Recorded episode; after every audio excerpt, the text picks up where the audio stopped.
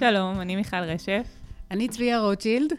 אני כרמל כץ. ואנחנו משדרות היום פודקאסט מבית מיכה, שנקרא הכל במיכה. בבית מיכה יש שתי חטיבות, חטיבת הגיל הרך, שמטפלת בילדים עם מוגבלות בשמיעה, בגיל הינקות ועד הכניסה למשרד החינוך, והחטיבה הקדם-יסודית, ששייכת למשרד החינוך ומטפלת בילדים חרשים וכבדי שמיעה בגילי הגן. והפודקאסט הזה הוא פרי יוזמה משותפת של שתי החטיבות, כדי להנגיש ולהרחיב את הידע בנושא עבור הורים ואנשי צוות, והיום אנחנו מראיינות חברה טובה, הילה שטיבלמן, שהיא קלינאי תקשורת ומדריכה במיכה, בעלת תואר שני בדו-לשוניות ורב-תרבותיות, והיא באה אלינו תוך כדי חופשת הלידה שלה, ואנחנו מאוד מאוד מתרגשות, אז שלום. בוקר טוב ושלום, נעים מאוד, אני גם מתרגשת. אהלן, הילה. החזרנו אותך הביתה באמצע חופשת הלידה, אנחנו מאוד מעריכות את זה, ככה לעשות הפוגה ולדבר על מה שאת מבינה בו הרבה. ואנחנו ככה בחרנו אה, לדבר איתך על הנושא הזה היום, כי אני חושבת שכולנו יודעות, כל מי שעוסק בתחום של קלינאות תקשורת והתפתחות שפה, שבאמת הנושא הזה של הדו-לשוניות מאוד חם, וחלו קצת שינויים בגישה נכון. של התחום הזה. אז אנחנו נשמח אם באמת בהתחלה נדבר קצת על מה, מה זה בעצם דו-לשוניות, איזה מצבים של דו-לשוניות קיימים. אוקיי, okay, אז קודם כל נתחיל מזה שבאמת מדינת ישראל היא ככה מדינת מהגרים, שפה היא כלי מאוד uh, חשוב כדי להתערות בחברה שלנו. וכששואלים תמיד מי מרגיש שהוא דו-לשוני, או מי הוא דו-לשוני בארץ, אז זה באמת אה, אחוז אה, גדול עונה. ודו-לשוניות היא מצב, אה, הוא יכול ככה להיות בשני אופנים, או כשילד חשוף לשתי שפות מלידה ועד גיל שלוש, ואז זו נחשבת דו-לשוניות סימולטנית, השפות נרכשות במקביל. כשאנחנו מדברים על חשיפה משמעותית, ככה באמת אחוז ניכר, מדברים על 30 אחוז חשיפה לכל שפה בשביל שהיא באמת תתפתח ותהיה... 30 אחוז 30... ממשך היום? ממשך הערות היום, הערות, כן. אוקיי. כן. זה לא תמיד יוצא ככה שהילדים נחשפים חצי-חצי, אה, וזה יכול להיות באמת מצב ששני ההורים מדברים בשפות שונות בבית, או שהילד יש לו את השפה של הבית ויש לו את השפה של הגן. בבית מדברים ברוסית, באנגלית, בערבית, ובגן בעברית, למשל. ו- וזו דו-לשוניות שאנחנו רואים ככה דמיון מאוד לילד שהוא אה, חד-לשוני, מבחינת השלבי התפתחות, מבחינת הקצב. אה, כי כאילו מרגע שהוא נולד, הוא על שתי שפות. בדיוק. כן. והלמידה היא דו-כיוונית, כל שפה ככה מזינה אחת את השנייה, וזה באמת אה, משהו שקורה. אה, ודו-לשוניות עוקבת החל מגיל שלוש ועד גיל שבע מתייחסים לזה. זה בעצם כשילד נחשף לשפה השנייה שלו, מגיל שלוש ומעלה, אבל גם החשיפה היא חשיפה טבעית. באינטראקציות, לא, לא באופן אה, פורמלי שככה מלמדים אותו שפה כמו בכיתה ב' אה, שלומדים שפה. ושם ככה באמת השלבים הם כבר אה, שלבים אחרים, ואנחנו נרצה לתת מספיק זמן כדי שהיסודות של השפה יטמעו בילד, יתבססו, לפחות ככה מדברים על זה שילד צריך שנתיים בשביל באמת לרכוש יסודות של שפה, עדיין הוא לא כמו בני גילו בשפה הזאת, זה עדיין בסדר. זאת אומרת, את מדברת על מצב שבו דו-לשוניות זו בעצם מציאות. מציאות. זה בעצם מצב נתון שבתוכו נכון. נמצאת משפחה. לגמרי, לגמרי. זה מצב נתון, זו מציאות שחיים בה, וזה גם מצב מאוד דינמי, מאוד משתנה. הרבה פעמים uh, השפה של הבית נראית מאוד חזקה ומבוססת, אבל כשהילד כבר מגיע למסגרות ולומד בגן ובבית הספר, יש איזשהו היפוך והשפה של הסביבה הופכת להיות חזקה. אז הוא ככה המציא, המציאות, אבל הוא יכול גם באמת uh, להראות דינמיות. אז כשאת מדברת על זה, דקה לפני שנעמיק אל תוך המצב הזה, הראשון שדיברת עליו, שהיא mm-hmm. מציאות, שבמשפחה יש פשוט שני הורים, בואו נדבר רגע אז על מצב שהיא לא בהכרח המציאות, דו-לשוניות. זאת אומרת, הבחירה של הורים לפעמים, או המחשבה על בואו נלמד ילד עוד שפה בגיל מאוד צעיר, הרי המוח סופג. זה... שזו לא שפת האם שלהם? שזאת לא שפת okay. אוקיי. האם. בואי בכמה מילים נדבר על מצב שזה לא מציאות. אז אנחנו צריכים לקחת בחשבון שזו עבודה.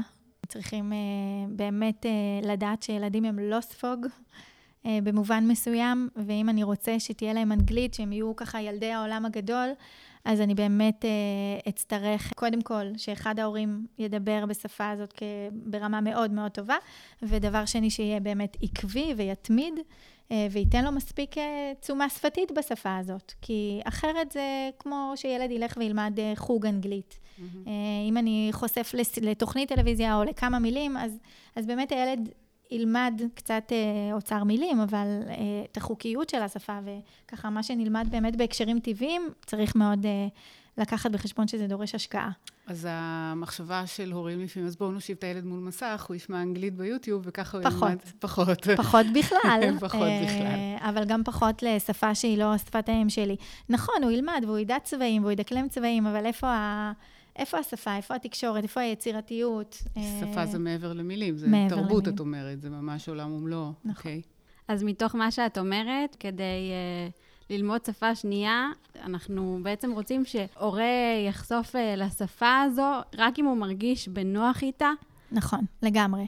רק אם הוא מרגיש בנוח איתה. זו צריכה להיות באמת שפה. תחשבו ששפה, אנחנו חושבים בשפה שלנו, אנחנו חולמים בשפה שלנו, אנחנו אוהבים בשפה שלנו, אנחנו רבים בשפה שלנו, אה, וזה נורא נורא קשה אה, לגדל ילד, לחנך אותו, להביע את כל קשת הרגשות שלי בשפה שהיא לא שפת האם. אני לא יכולה לדמיין את עצמי עושה את זה, ולפעמים גם מישהו שמרגיש שיש לו אנגלית מאוד מאוד מאוד טובה, אה, מתי שהוא נשבר ומפסיק, אני מכירה מקרים כאלה, שמתישהו באיזשהו גיל, זה נהיה קצת יותר מאתגר לגדל את הילדים שלנו, ואז גם חוזרים לשפת האם. אז בגלל זה העקביות וההתמדה וככה הידיעה שזו עבודה, וזה לא, לא על הדרך, אה, היא מאוד מאוד חשובה. אז את אומרת, once זאת המציאות של משפחה וזו הבחירה, אז תיקחו את השפה שאתם מרגישים בה הכי נוח. נכון. תיקחו את השפה שאתם מרגישים בה הכי נוח ותעשירו אותה.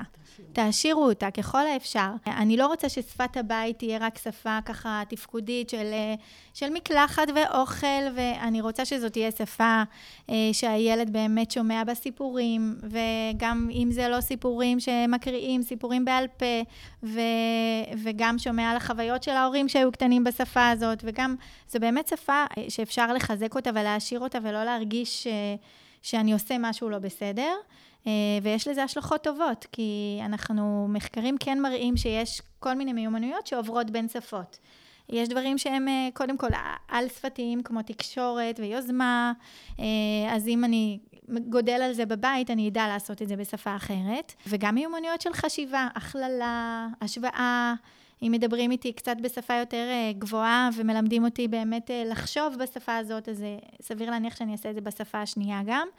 ויש גם ממש מיומנויות כמו היכולת לספר סיפור והיכולת לבצע משימות של מודעות פונולוגית לקראת כיתה א', שאם למדתי את המיומנות הזאת בשפה אחת, אני כן אדע לעשות אותה בשפה השנייה. Mm-hmm. הן מועברות. ואנחנו יודעים גם שיש בכלל הרבה יתרונות, יתרונות ככה קוגניטיביים לילדים דו-לשוניים.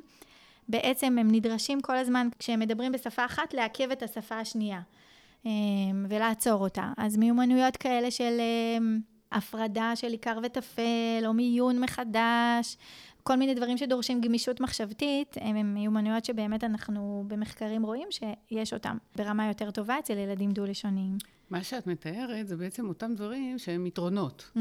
אני מניחה שכמו דבר, כמו כל נכון. דבר בחיים אין פה רק יתרונות. נכון. ואם אנחנו נכנסות קצת לכיוון הזה, אז כל הנושא הזה של מצד שני, לצד היתרונות, יש גם חששות מלהכניס דו-לשוניות, מחשש שהיא תעכב את רכישת השפה של הילדים. נכון. אחר כך גם נדבר על זה ספציפית לגבי הילדים שלנו. אז זה מיתוס? זה באמת מעכב? זה... מה החסרונות? אוקיי. אנחנו במחקרים לא רואים שיש עיכוב אה, משמעותי. אנחנו מדברים אה, ככה גם על ילדים שהם יודעים לרכוש שפה, שההתפתחות שלהם תקינה, וגם על ילדים שבאמת יש להם איזשהו קושי בשפתי. יכול להיות שכן רואים הבדלים, ההבדלים הם לא ברמה מאוד מובהקת. אבל אנחנו כן רואים התנהגות שונה. ילד שלומד שתי שפות, אם ניקח שפה אחת, נראה שבאמת האוצר מילים נמוך ביחס לילד בן גילו. אה, וזה בגלל... שמדבר רק שפה אחת. נכון, שמדבר רק שפה אחת, וזה בגלל שבאמת הוא לומד בשתי אה, אה, שתי שפות, אוצר מילים. אז יש ככה מילים, לפעמים מילים של בית בשפה אחת, ומילים של גן בשפה שנייה, ואם נסתכל על הסך הכל, נראה באמת שיש אוצר מילים מספיק עשיר. אבל יש איזושהי התנהגות שונה. כאילו ככה פחות מתייחסים לזה שזו לקות, יותר מתייחסים לשונות. למשל, ילדים שמתבלבלים במרכאות ומערבבים בין שפות, או ילדים שלוקחים חוק, חוק משפה אחת ומכילים אותו על שפה שנייה. זה צריך להדאיג, הדברים האלה? זה דברים טבעי? טבעיים טבעי. שלא צריכים להדאיג, אבל באמת לפעמים יש כל מיני דברים שנראים כמו לקות שפה. Mm-hmm. טעויות ככה תחביריות ודקדוקיות, אוצר מילים חסר, ילד לא מצליח להגיע למילה. ומאוד מאוד חשוב שנסתכל על הסך הכל, וגם שנבין כמה הילד חשוף לשפה הזו שאנחנו בוחנים אותה. זאת אומרת, האם הוא אמ, באמת חשוף לאותם 30 אחוז שדיברנו עליהם? לאותם 30 אם לא. אחוז, אם זה מלידה, או מספיק זמן אם זה נרכש בהמשך. כי אם לא, אז להיות מספיק מציאותי כדי להבין למה בעצם, נכון. אם הוא מתעכב ואוצר המילים הוא לא נכון. מספק. אוקיי, נכון, זה חשוב מאוד. וגם אה, כמה זמן, גם אה, ככה הכמות וגם האיכות של השפה. כמו שאמרנו, לפעמים אה, אנחנו נגיד, כן, הילד אה, שומע רוסית, אבל איזו, שוב, איזו שפה הוא שומע? האם היא מספיק איכותית? האם זה לא רק להיות, לשמוע דרך הטלוויזיה, או לשמוע ככה שפה יותר של אה, הנחיות תפקודיות בבית? אז אה, אז זה דברים שבאמת נרצה לדעת. אז אם ניקח אותה משפחה שבחרה כן להיכנס לעניין של דו-לשוניות, ודיברנו עכשיו גם על היתרונות, אבל גם על, על זה שיש חסרונות. יש איזה שהן נורות אדומות שאמורות להד... אה, להדאיג הורים, שאמורות, אה, אולי אפילו אני אגיד את זה קיצוני, להחליט שהם מוותרים על דו-לשוניות? יש דבר כזה בכלל? קודם כל, כן, אנחנו צריכים להיות עם יד על הדופק. לא נרצה שעל כל דבר נגיד, אה, טוב, הוא דו-לשוני, זה בסדר, וככה נעשה הנחות. אנחנו, אנחנו נרצה לראות שהשפות מתפתחות, בהנחה והילד שומע את שתי השפות מלידה, אז שהן מתפתחות כמו ילד חד-לשוני, מבחינת השלבים ומבחינת הזמנים. אה, זאת אומרת, אה, גיל שנתיים זה ככה גבול עליון אה, למילים ראשונות. גיל שלוש, אני כן ארצה שיהיו משפטים, ואני מתייחסת לכל שפה בפני עצמה. ו- ומאוד מאוד חשוב שההורים ייתנו את הדעת לגבי איך הילד מתפקד ביחס לילדים דו-לשוניים אחרים. אם ההורה מרגיש שמשהו שונה, למשל ביחס לאח הגדול, ביחס לבני דודים, ביחס לילדים אחרים שבגן, משפחות אחרות דו-לשוניות, שהוא לא מבין מספיק, שהוא עדיין אה, לא מפיק משפטים בגיל שלוש, אם ככה הם מרגישים שההתפתחות באמת שונה אה, ומשהו מדאיג אותם, אז, אז אה, זו אינדיקציה לגמרי ללכת ולבדוק ולעשות אבחון יותר קלינאי מעמיק. ו- תקשורת. בהחלט. כל פעם ש, שהורה שואל שאלה ככה קטנה ויש ספק, כדאי להפנות לאבחון יותר מעמיק. אנחנו לא רוצים באמת לתת איזושהי הנחה כללית, כי זה מאוד מאוד משתנה בין ילדים. אין מצב של דו-לשוניות אחד שיהיה דומה למצב שני. זה תלוי בהרבה הרבה גורמים, אה, שאולי נדבר עליהם אחר כך. אבל כן חשוב מאוד מאוד מאוד לתשאל את ההורים ולראות איך ההתפתחות של הילד ביחס לילדים דו-לשוניים בני גילו. אוקיי. זאת אומרת, יש ספק לא להישאר איתו. לגמרי, לגמרי. לגבי uh, להוריד שפה, צריך לא למהר עם זה. גם אם זו החלטה שהמשפחה לוקחת, היום פחות סביר שזאת תהיה החלטה של המסגרת החינוכית. זה אף פעם לא לפ- החלטה של נכון, המסגרת. כן. נכון. החלטה של ההורים נקודה. לגמרי, אבל פעם כן, אה, זו הייתה המלצה, גם בגן לא לדבר בשפת האם, גם בטיפולים, גם בבית. היום באמת מסתכלים על המשפחה ועובדים עם מה שיש. רואים ככה מה נוח למשפחה, מה מציאותי בשבילם, ועובדים משם. מה המטרה, מה הערכים, ככה... כי ז- זו לא החלטה בסיסית וקלה, זו החלטה שיש לה השלכות רגשיות ותרבותיות וחברתיות. עולם ומלואו מאחורי זה. נכון. אז גם אם הורה רוצה לשנות וככה להוריד שפה, צריך להבין אה, לטווח הארוך מה ההשלכות של זה, גם לחשוב באמת קדימה מבחינה רגשית, וגם אם ההורה עצמו יעמוד בזה. כי אם הוא לא לגמרי שלם עם ההחלטה, ועברית היא לא לגמרי שפת האם שלו, אז גם לחזור אחורה זה קצת בעייתי.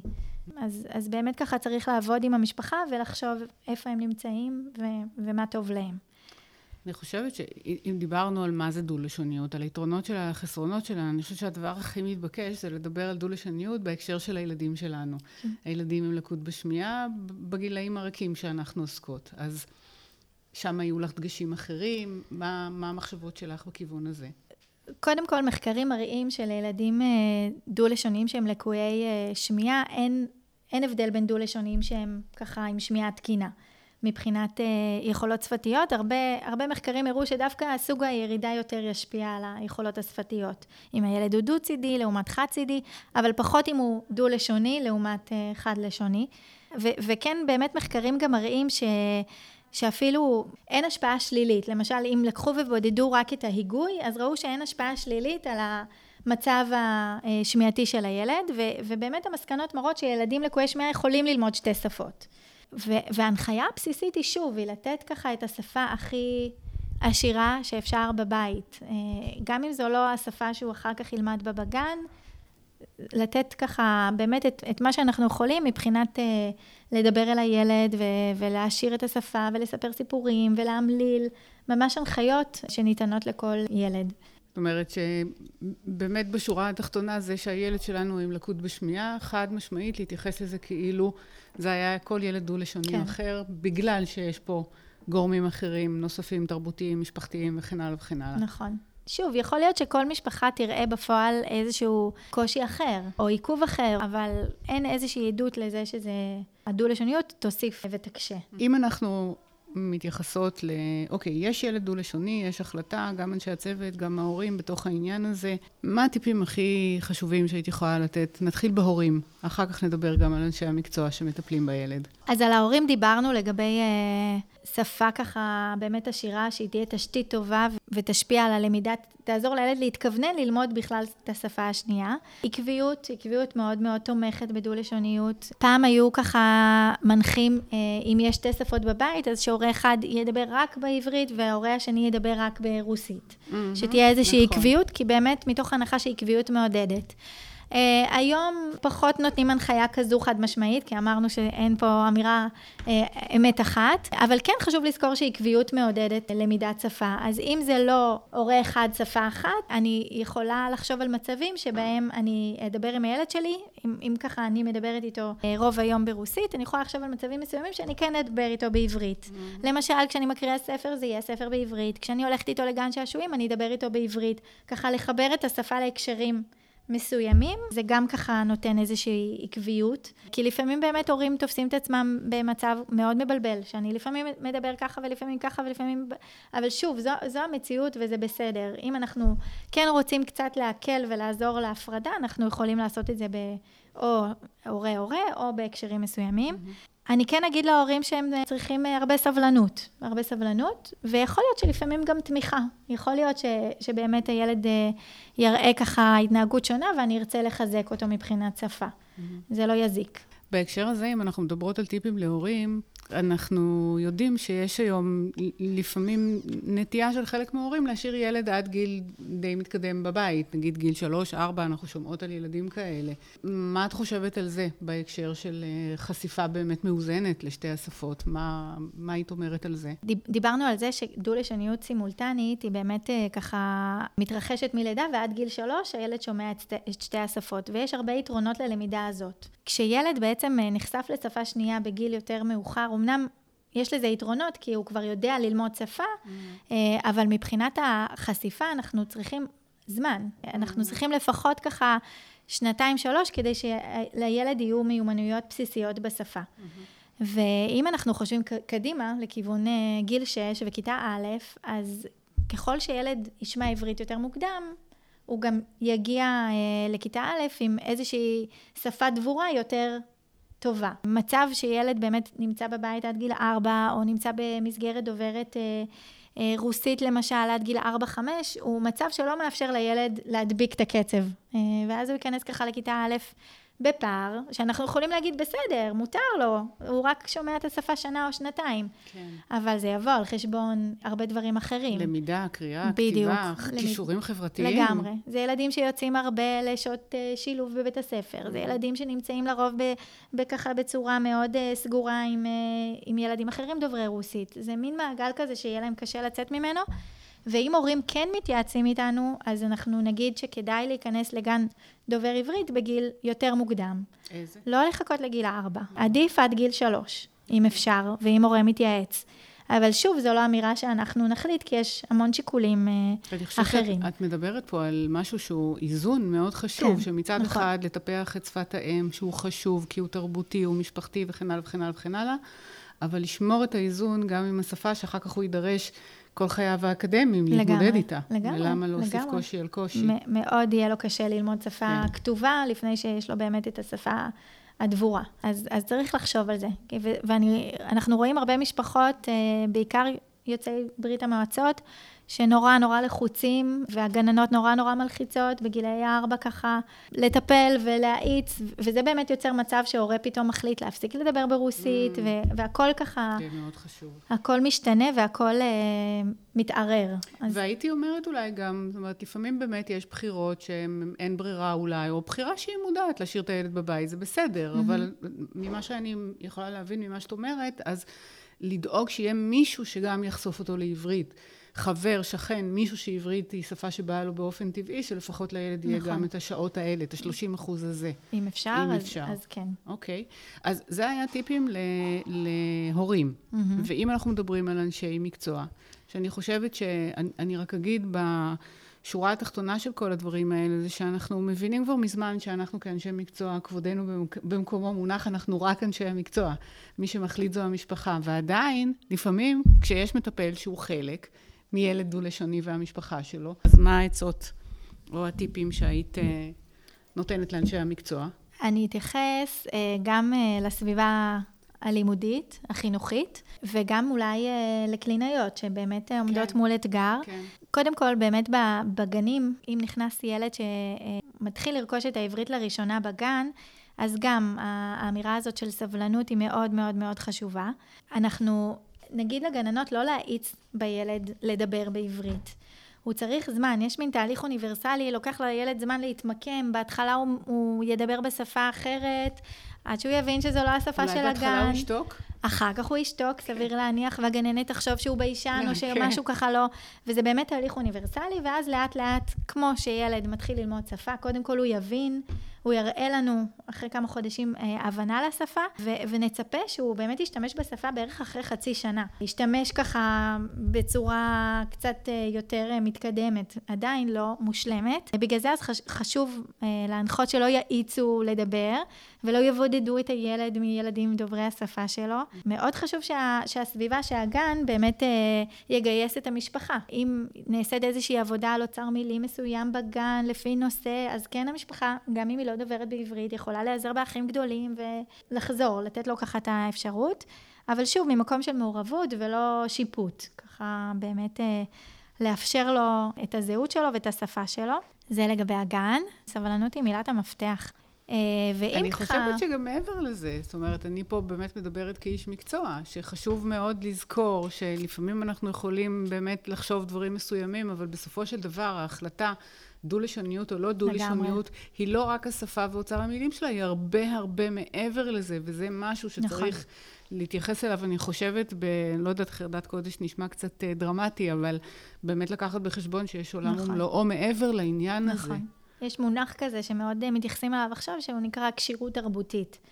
ו- ועל כל משפחה שאנחנו מסתכלים, אנחנו צריכים ככה, באמת ברגישות, לראות ככה מה הערכים שלהם ואיך הם מקדשים את התרבות שלהם, ומעבר לזה, מה התרבות בתוך הבית.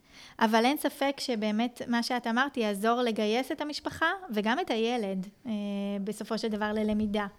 כי אם הוא באמת אה, יבין שאנחנו לא מגבילים אותו ולא מלחיצים אותו, הוא יהיה יותר פנוי ללמידה. אין ספק. ומבחינת באמת מטפלות וקלינאיות תקשורת שמתמודדות ככה עם, אה, עם אתגר, כשמגיע ילד דו-לשוני, ואנחנו רואות את זה גם באבחונים פה במיכה.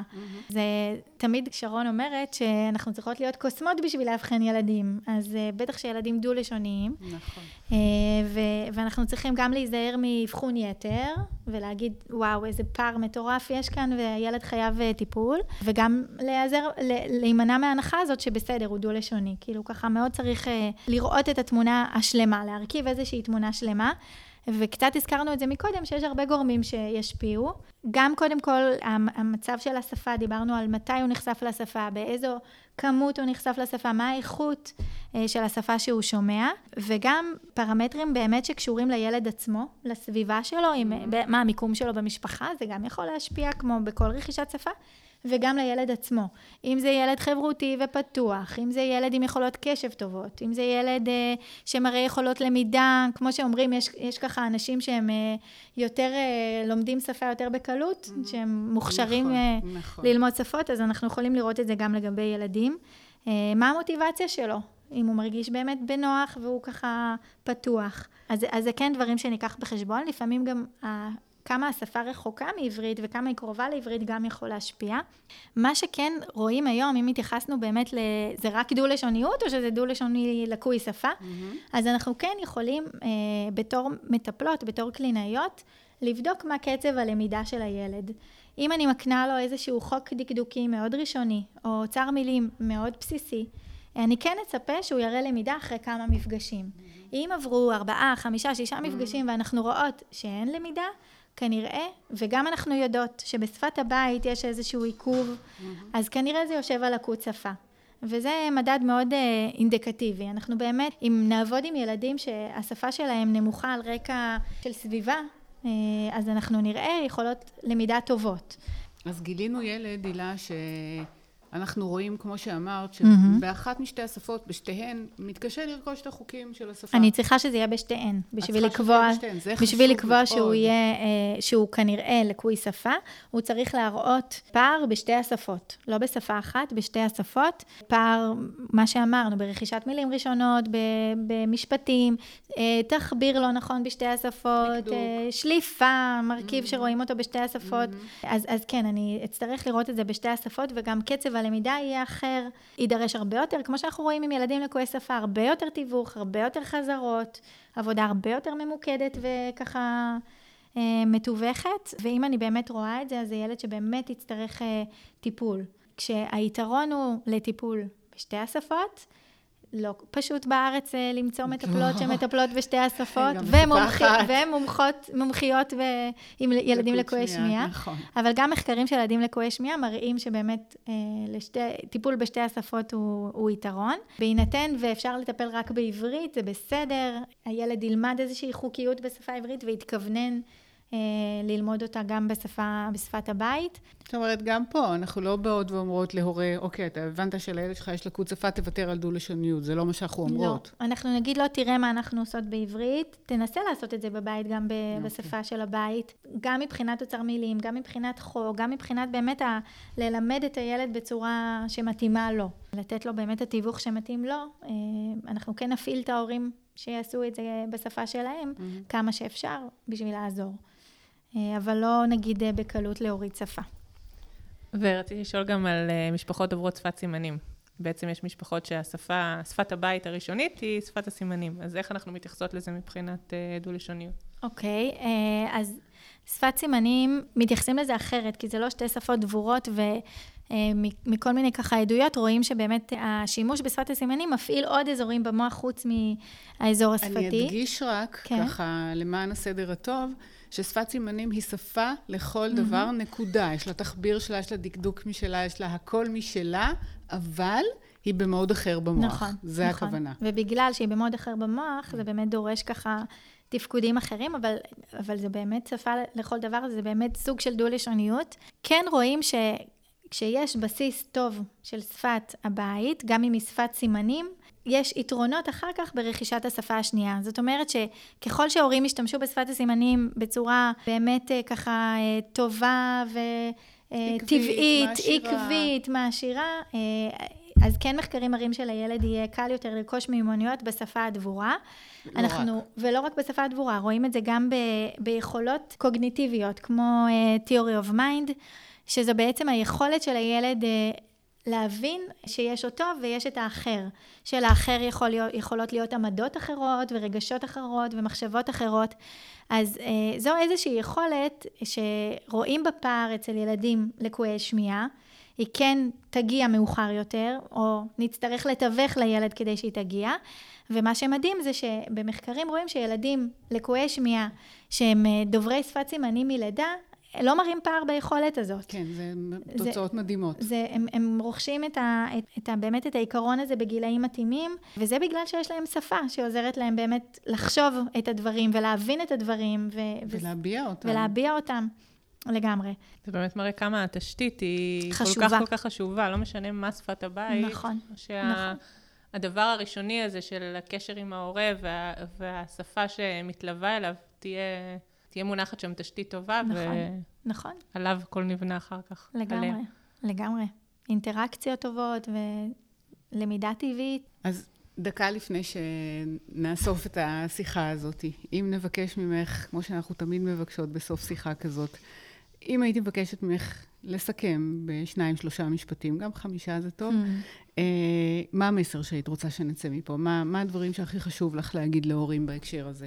אז אני חושבת שבאמת צריך להתייחס לדו-לשוניות כאיזשהו מאפיין שיוצר אה, תמונה. וכדי להבין את התמונה השלמה של אותה משפחה, אנחנו נרצה לשאול הרבה הרבה שאלות את ההורים. להתייחס לזה. ככה, באמת שאנחנו מקבלים משפחות ו- ואנחנו מבינים שזו משפחה דו-לשונית, אז באמת לשאול את השאלות.